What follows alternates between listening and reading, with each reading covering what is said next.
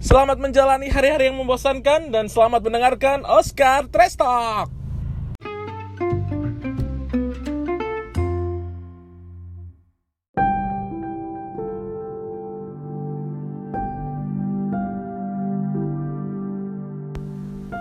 Halo, jadi di titis kali ini aku bakal bahas tentang pengalamanku sendiri ya Pengalaman yang pernah aku alamin waktu aku kelas 4 SD Eh, apa kelas 3 ya? Kelas 3 aja deh, lebih kecil. Lah, kelas 3 tuh Aku itu sempat ikut klub olahraga. Kalian tahu gak sih kalau misalnya kalau klub olahraga itu pasti ada kayak kegiatan yang kita ke Pacet atau ke Trawas atau ke daerah semacam itu untuk melakukan training. Kayak out, oh bukan outbound juga cuma training cuma ya di tempat lain gitu di di kayak Trawas atau Pacet gitu terus kita nginep terus kita ya seperti kayak outbound outbound gitu loh. Tapi itu training training dari dari klub olahraganya. Nah kisah ini tuh berawal dari uh, ya sebenarnya aku or orangnya nggak bisa ngelihat dan juga keluarga aku juga nggak ada yang bisa ngelihat. Jadi ceritanya bener-bener kayak aku tuh kaget banget karena itu pengalaman yang benar-benar nggak bisa aku lupain sampai sekarang jadi ceritanya itu berawal dari waktu berangkat ke daerah ya daerah kayak kita, daerah kita bilang pacet aja lah ya daerah pacet. Daerah Pacet tuh ya semuanya awal-awalnya fine-fine aja. Aku ikut rombongan kan berangkatnya.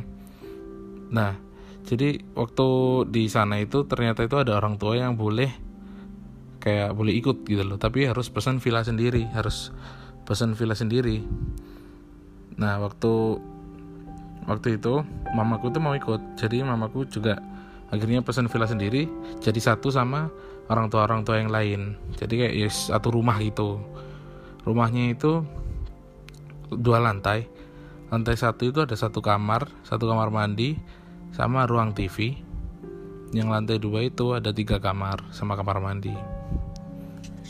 Nah ini nanti aja nih ngelanjutin yang bahas rumahnya. Ini aku ceritain dari awal aja ya jadi setelah sampai di sana ya semuanya berjalan normal. Aku ngikutin kegiatan klub aku ya ngobrol-ngobrol sama anak-anak main-main. Habis itu kan ada kayak latihannya disuruh kayak lari disuruh kayak apa. Lah itu udah jam jam 3 so, jam 2 jam 2 itu waktunya lari.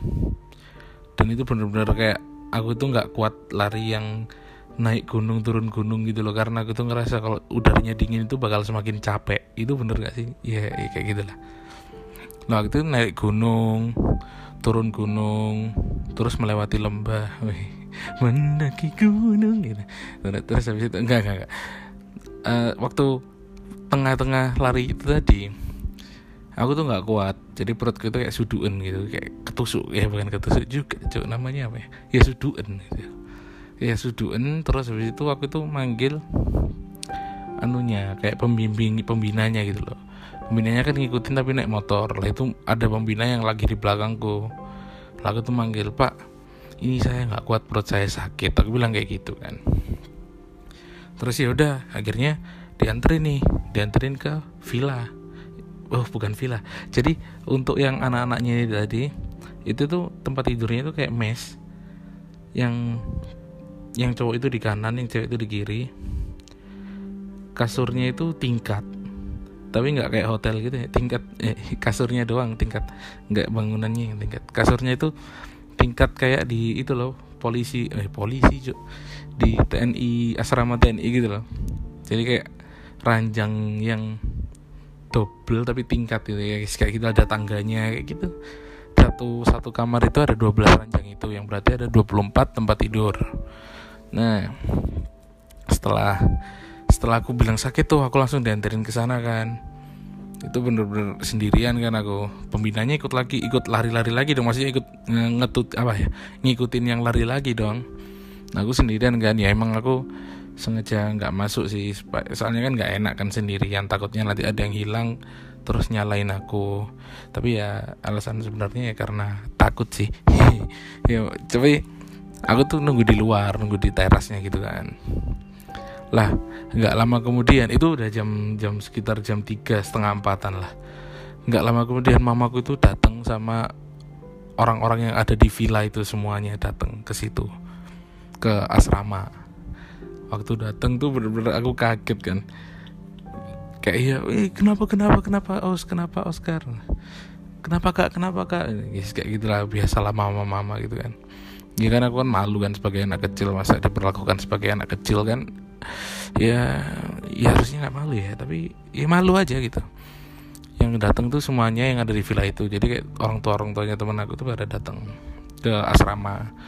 Itu belum ada belum ada teman-teman tuh ya dan akhirnya aku mandi di asrama itu dan diajak ke villa supaya alasannya waktu itu supaya istirahatnya itu lebih enak gitu lebih tenang gitu. Supaya aku juga bisa besok paginya itu bisa ikut kegiatan lagi gitu kan. Lah waktu itu anak-anak belum datang kan. Nah itu aku akhirnya mandi di asrama sama siap nyiapin baju gitu kan. Ya udah akhirnya apa udah clear balik nih akhirnya ke ke villa. Pengalamannya dimulai dari sini. Di villa ini tadi udah ada, aku jelasin kan apa denah rumahnya itu seperti apa kalian pasti udah bisa bayangin. Di rumahnya ini tuh di ruang TV-nya, ruang nonton TV-nya, itu belakangnya itu ada kayak jendela. Jendela yang ada kacanya yang kalau lihat keluar tuh bisa ngelihat itu loh pemandangan banyak cewek-cewek. Nggak mesti bisa melihat pohon bisa melihat apa-apa gitu. Waktu itu aku duduk nonton TV di situ itu masih jam 5 dan uh, orang-orang yang lain tuh pada di atas. Nggak sih yang di atas cuma orang lima. Cuma budeku pembantu uh, asisten rumah tanggaku sama tiga ini orang tua orang tuanya teman aku cuma berlima yang di lantai dua yang lainnya masih di bawah masih sibuk beresin inilah bersihin kamar mandi lah terus ya sambil nonton TV gitu. Nah kejanggalannya itu mulai dari sini. Waktu itu itu mau maghrib benar-benar mau maghrib aku nonton TV itu dari jam sekitar jam setengah limaan atau jam 5 ya mungkin hmm, dibuat 5 6 eh, apa 445 gitu aja ya. Hmm, ya 445 aku lagi nonton TV mulai nonton TV waktu mau maghrib itu dari 445 itu TV-nya itu normal masih normal bener-bener. Ya mungkin nggak terlalu jernih cuma normal bisa dilihat gitu loh nggak nggak sakit matamu kalau ngeliat itu. Lah waktu mau maghrib tepat waktu mau maghrib itu tiba-tiba TV-nya itu berubah jadi kayak kalian tahu kan yang TV yang ada semutnya gitu? Yang hitam putih yang yang ya gitu kayak ada semutnya gitu yang ya kayak TV hilang sinyal nah kayak gitu. Tiba-tiba itu kayak gitu. Itu waktu mau maghrib sebelum azan maghrib. Aku bingung dong tanya ke mama. Mungkin antenanya rusak kan? Soalnya antenanya nggak ada di situ. Antenanya mungkin kayak di atas atau kayak pakai parabola gitu nggak paham aku. Mah ini kok antenanya gini sih? TV-nya rusak tak? Bilang gitu. Terus mamaku dengan santainya dengan ya yes, biasa aja bilang kayak gini. Mungkin ada setannya tuh dudukin TV nutupin TV-nya coba baca ayat kursi barangkali setannya pergi gitu. Aku sebagai anak kecil pasti kaget kan. Waduh waduh masa ada setan? Ya, masa ada setan? Ya terus aku ya coba aja lah baca ayat kursi. Maksudnya niatnya itu biar mungkin mungkin beneran pergi deh. Mungkin aku kan pengen lihat TV acaranya itu kalau nggak salah itu apa ya punya kartun gitu kok lupa SpongeBob atau apa gitu lah. Namanya anak kecil kan ya aku pengen lihat TV aku lagi sakit lagi pengen istirahat pengen nonton TV gitu. Soalnya belum belum ada HP belum ada apa-apa waktu itu kelas kelas 3 itu.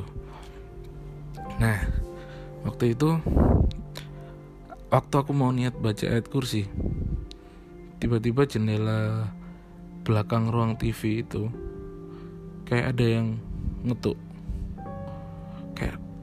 cetok cetok cetok gitu bunyinya gitu. Kayak ada orang lemparin batu di kaca.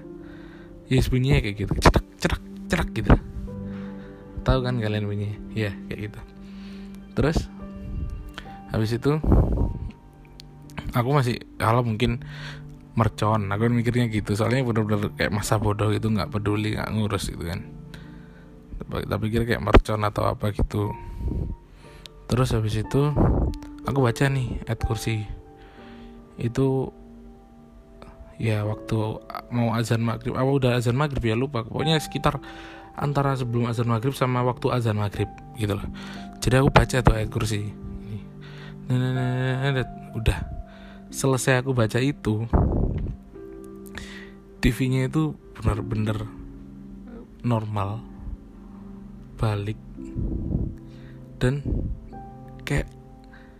kayak nggak terjadi apa-apa gitu. Kayak sinyalnya itu tiba-tiba langsung balik gitu loh. What the hell? Masa yang dibilang mamaku benar sih? Aku sempat mikir kayak gitu. Jadi benar TV-nya itu normal bersih, ya nggak bersih. Ya seperti kayak mula tadi yang sebelum ada gangguan tadi. Terus habis itu yaudah wah kok gini? Terus aku disuruh mama sholat maghrib. Mama mungkin juga kaget kan ya terus aku disuruh sholat maghrib sholat sana sholat sana gitu aku itu ya namanya anak kecil kan waktu disuruh sholat ya aku masih sih nanti aja nanti aja gitu nonton TV soalnya TV-nya itu benar-benar masih kayak apa belum selesai gitu episode SpongeBob-nya itu. Jadi masih ya mungkin lima atau berapa menit lagi gitu kan. Ya itu terus habis itu waktu aku mau berdiri ambil wudhu tiba-tiba lima orang di atas tadi teriak-teriak sembari aku itu dengerin suara kayak orang yang ngelemparin kaca yang kaca di belakangku itu semakin banyak jadi kayak cerak cerak cerak cerak cerak cerak bener-bener mencekam gitu kayak kayak ada yang neror neror vilaku itu bener-bener kayak dilemparin kaca dan ya bingung kan anak kecil lu lu lu lu lu eh lu lu lu, lu. kayak gitu kayak waduh terus yang orang-orang atas itu pada lari turun pada minta tolong. Bener-bener turun. Posisinya turun tangga minta tolong langsung arah keluar gitu loh. Ya kita yang di bawah kan kaget kan akhirnya ikut keluar gitu. Ada apa ada apa ada apa gitu. Di sini nih ceritanya. Jadi waktu di luar itu kan yang di atas tadi budiku asisten sama tiga orang tuanya teman aku. Waktu di luar itu mereka cerita. Jadi ceritanya itu waktu mereka bersih-bersih kamar. Waktu mereka bersih-bersih kamar budeku ini lihat ada kayak kucing di kolong kasur. Kucing bener-bener kucing gitu lah lah budiku itu bingung, ini masuknya dari mana kucing ini? Padahal tadi itu waktu berangkat ke asrama, itu pintunya ditutup dan benar-benar jendela tutup semua, benar-benar nggak bisa masuk gitu loh. Nggak mungkin ada kucing masuk kecuali dia ya mungkin masuk dari jendela kamar untuk manjat atau apa dan itu nggak nggak mungkin gitu ada kucing di situ gitu. Taunya itu kucing gimana? Soalnya di bawah kolong kasur itu di kayak di pojoknya gitu, di, matanya itu nyala. Matanya itu nyala, dan nggak tahu nyalanya warna apa pokoknya budiku bilang nyala gitu aja. Dan bentuknya kecil kayak kucing gitu. Is kayak kucing lagi lagi itu lagi berdiri pakai kaki depannya tapi kaki belakangnya duduk. Ya kayak gitu itu. Nah waktu bingung kan waktu waktu mau ngusir itu budik itu apa kayak jojo jojo sapu gitu loh tapi nggak sampai kena kucingnya. Jadi sapu yang batangnya itu diarahin kayak hus hus hus gitu. Bukan yang sapu yang buat nyapunya loh yang batangnya yang atasnya itu loh itu di hus hus hus gitu. Tapi nggak sampai kena gitu loh. Kalian tahu apa yang terjadi? Kucingnya masuk ke tanah.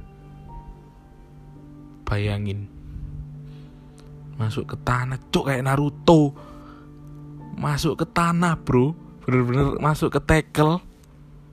Dan kaget kan budiku kan setelah budiku kaget itu tiba-tiba dari arah yang kucingnya masuk itu tadi tekelnya itu retak. Bener-bener retak kayak cerak cerak cerak gitu. tapi anehnya retaknya itu ngikutin ke mana budeku pergi.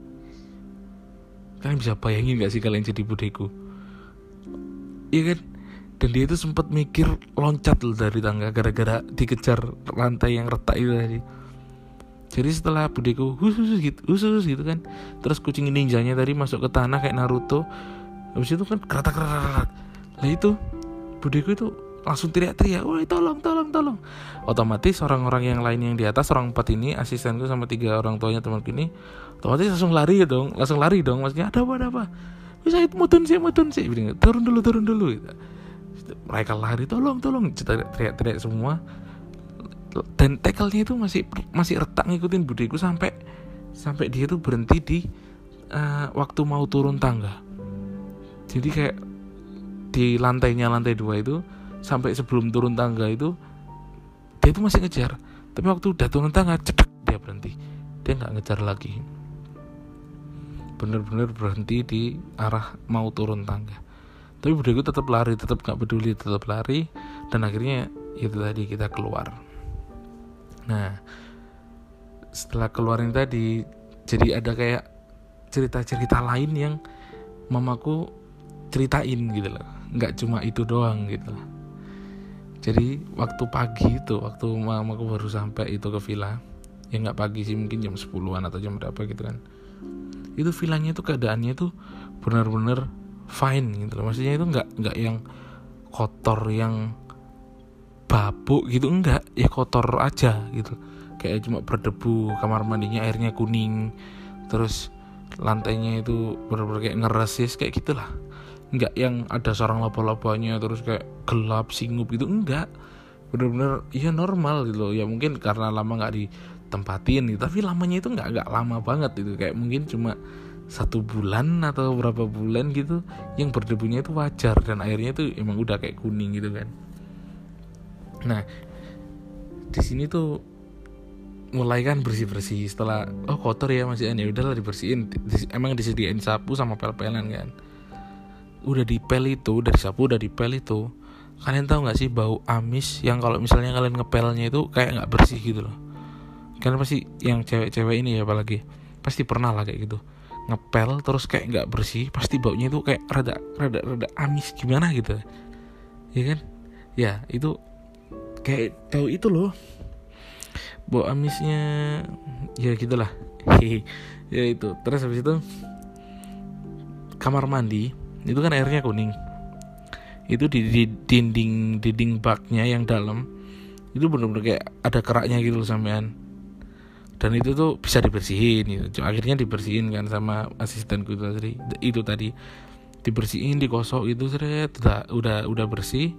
Diisi air airnya itu ya mungkin nggak nggak jernih banget tapi maksudnya bening gitu. Maksudnya bisa dilihat sampai ke bawah gitu loh. Dan bawahnya itu emang udah bersih gitu nggak yang air butek gitu nggak. Ya airnya itu bersih. Dan sudah selesai dibersihin semua. Lah waktu mau waktu mau duduk-duduk atau waktu mau istirahat waktu naruh naruh naruh barang atau naruh naruh baju ya kayak ada perasaan tuh kayak pengen ngepel lagi gitu kayak ini bau apa sih kayak gitu. ini masa nggak bersih sih ngepelnya kayak gitu akhirnya si kayak ya pembersih lantainya itu dibanyakin cairan pembersih lantainya itu dibanyakin dan dipel ulang. Lah waktu mau ngambil air di kamar mandi, kalian tahu apa yang terjadi? Airnya kuning lagi bro Anjir gak tuh Cuma ditinggal berapa lama Cuma gak sampai satu jam Airnya tuh udah balik kuning lagi gitu loh. Udah bukan yang air yang bersih yang tadi waktu diisi pertama gitu loh. Diisi setelah dikuras maksudnya. Balik kuning lagi Balik bergerak lagi gitu loh. Itu dari mana gitu kan? Habis itu bingung itu dan ya udahlah dikuras lagi aja dikuras lagi untuk yang kedua kalinya. Kerak-keraknya itu masih ada. Dan akhirnya waktu dikosong juga hilang gitu loh ya semuanya itu balik jadi is kayak pertama kali nguras gitu. Cuma ya udah dibersihin aja. Udah kan bersih diisi air lagi. Oh, udah udah agak mendingan nih. Ya sama kayak yang habis dikuras dan diisi lagi kayak tadi gitu loh. Terus ya udah airnya dibuat masuk ke pel-pelan gitu kan. Dibuat dibuat di masuk ke ember buat ngepel. Nah setelah itu saya ngepel ngepel ngepel ngepel. Udah udah dua kali kan ini ngepel terus habis itu kayak masih baunya itu masih nggak hilang hilang gitu loh. Padahal cairan pembersih lantainya itu udah banyak gitu loh. Nah setelah itu di itulah waktu habis ngepel tuh dia kamar mandi lagi kan asisten gini tadi. Dia buang air pel-pelannya terus kayak mau bilas gitu loh barangkali embernya itu masih kotor atau gimana gitu kan. Waktu mau bilas air di kamar mandi balik lagi jadi kuning wow. Nggak tahu siapa yang naruh kunyit di sana atau ada yang mungkin pewarna buatan nggak tahu sih.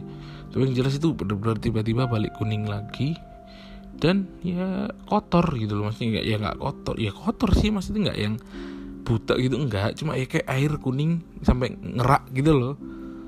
Lah kayak yang awal kita dateng gitu loh.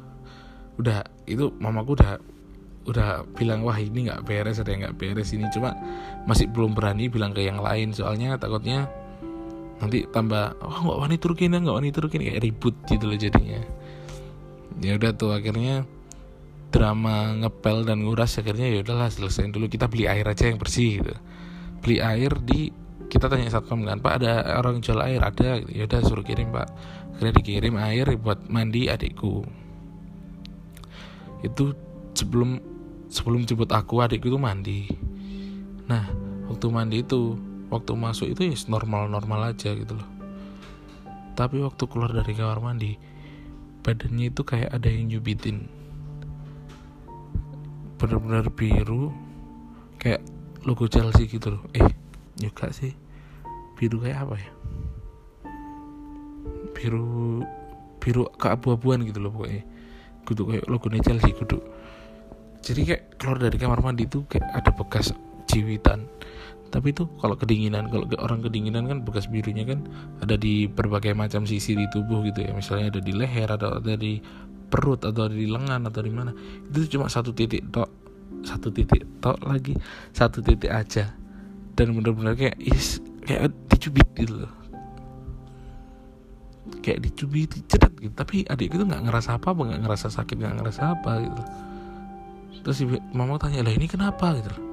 Loh nggak tahu mah bilang gitu kan adik terus dikira mama itu wah mungkin uh, mungkin ke ketatap apa gitu. Tapi anehnya itu waktu masuk waktu lepas baju sebelum kamar mandi itu nggak ada gitu loh itu bekas itu itu nggak ada.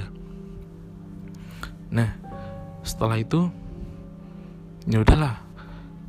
Itu diceritain ke orang-orang yang lain gitu terus wah oh, musuh sih musuh sih gitu. Waduh waduh waduh. Akhirnya semuanya itu ikut jemput aku di asrama. Serem gak sih guys? Jadi kayak ternyata itu apa ya? Ya serem gitu loh. Masa ada si tackle yang ngejar orang sampai benar kayak ngusir gitu loh. Kayak pergi kamu. Diusir pakai dikejar kayak gitu loh the fuck? Dan dan ini ini serunya lagi sih. Waktu kita di luar kita tuh semua benar-benar panik benar-benar bingung. Ya siapa yang nggak bingung? Itu udah malam. Ya nggak malam sih jam tujuan gitu kan habis maghrib lah. Itu udah jam segituan dan bingung gitu loh nanti tidur mana kalau rumah ini haunted atau berhantu gitu loh. Eh nggak berhantu berpenghuni. Yo ya yo lah berpenghuni masa karena penghuni nih? Lah terus kita itu tanya ditanyain saat paham gitu. Lu lu lu ada apa ini bu? Ada apa? Ada apa? Gitu. Mamaku tuh bilang ini loh pak masa kita dikasih villa sing angker gini mamaku tuh bilang kayak gitu. Loh angker ya bu bu? Diceritain sama mamaku. Kayak cerita kong ini mang lah. Lah setelah diceritain itu kamu tahu Pak Satpamnya bilang apa? Pak Satpamnya itu bilang gini. Lo ala, tak kira ibunya itu yang punya villa ini. Langsung waduh. Pak Satpamnya itu bilang kalau villa itu udah nggak ditempatin sekitar 4 sampai 5 tahun dan nggak ada yang bersihin ke sana. Bener-bener nggak ada orang yang ke sana selama 4 sampai 5 tahun. Jadi kayak ada orang pernah mau lihat villa itu gitu terus ya udah nggak jadi di situ mesti gitu nggak sampai nggak sampai malam lah istilahnya mesti mungkin ada tapi itu cuma sampai sore atau cuma sampai siang gitu loh. Satpamnya itu soalnya jaga malam dan waktu itu waktu selama dia jaga di situ selama dia kerja di situ itu nggak pernah ditempatin sama sekali. Tapi lampunya itu yang depan doang yang nyala yang dalam itu memang gelap gitu loh. Lah dipikir mamaku ini yang punya villa itu tadi.